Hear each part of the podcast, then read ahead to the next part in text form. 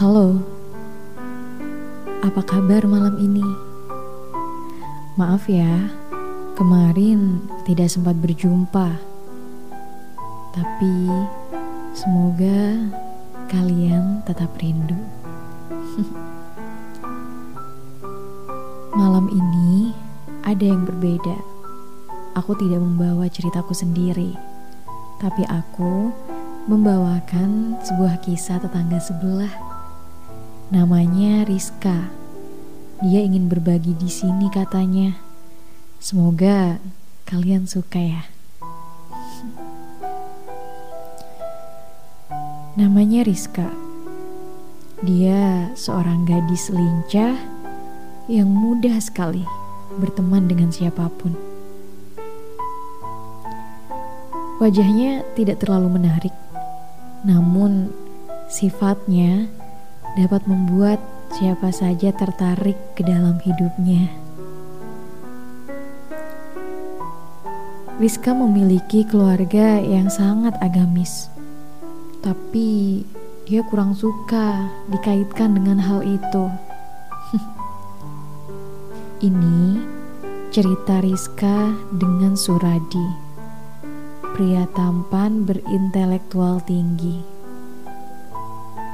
Setidaknya bagi Rizka dia tampan, tapi tidak tahu untuk orang lain. Rizka melihat banyak kelebihan ataupun kebaikan pada diri Suradi. Namun, percayalah, pada setiap kebaikan akan selalu diikuti keburukan sekecil apa pun itu, dan sebaliknya. Kedekatan emosional mulai terbangun setelah mereka menjalin hubungan yang tidak jelas selama kurang lebih tiga bulan. Kamu tahu, aku selalu melihat orang dari dua sisi, bukan? Kata Rizka sambil mengarahkanku untuk fokus pada ceritanya.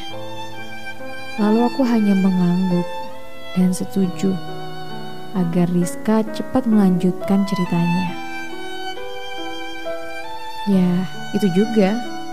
Itu juga berlaku bagi dia. Rizka semakin tersenyum sinis, tapi tanpa alasan. Kalian jangan khawatir Rizka sudah terbiasa dengan hal itu.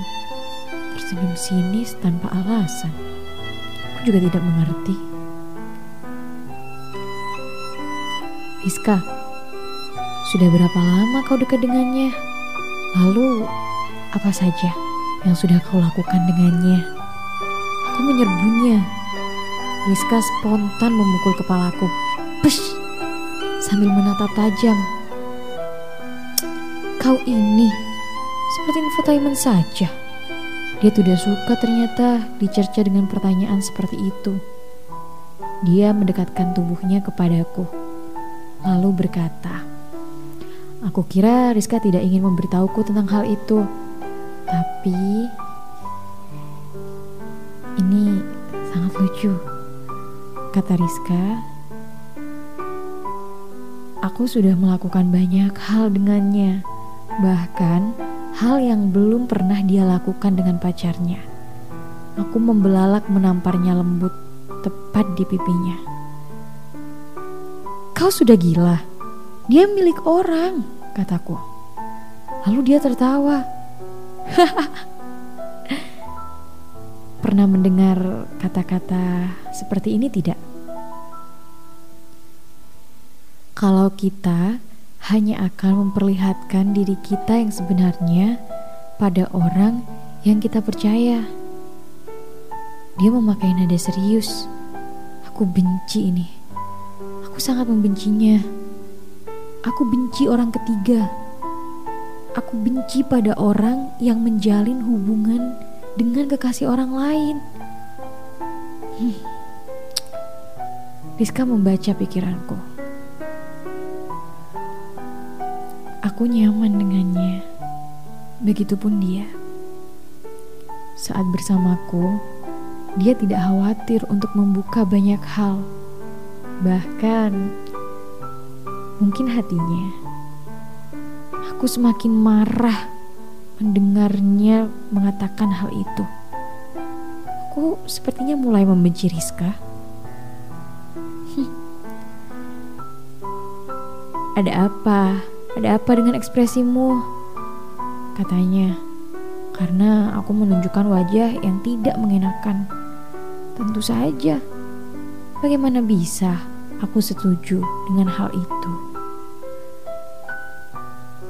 Lalu, masih dengan santainya, tenang saja, Will, katanya.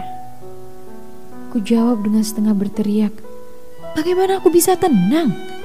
Temanku menjadi perebut kekasih orang, kataku. Dia masih dengan benar-benar santai berkata padaku. Sabarlah dulu, biar kulanjutkan. Dia lalu menghela nafas. Merubah intonasinya menjadi sangat serius. Kami memang saling merasa nyaman. Tapi kau tahu bukan?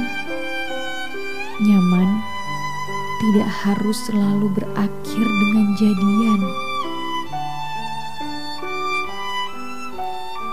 Lalu, saat ini aku bingung harus berada di pihak yang mana. Aku bergumam pada diriku sendiri. Nyaman memang tidak harus selalu berakhir dengan jadian. Karena nyaman bukan selalu harus tentang saling mencintai. Dan aku rasa itu akhir dari cerita Rizka malam ini. Sebelumnya, biar ku ucapkan terima kasih dulu kepadanya karena sudah mau membuka cerita ini kepadaku. Dan sekian untuk malam ini. Semoga kalian bermimpi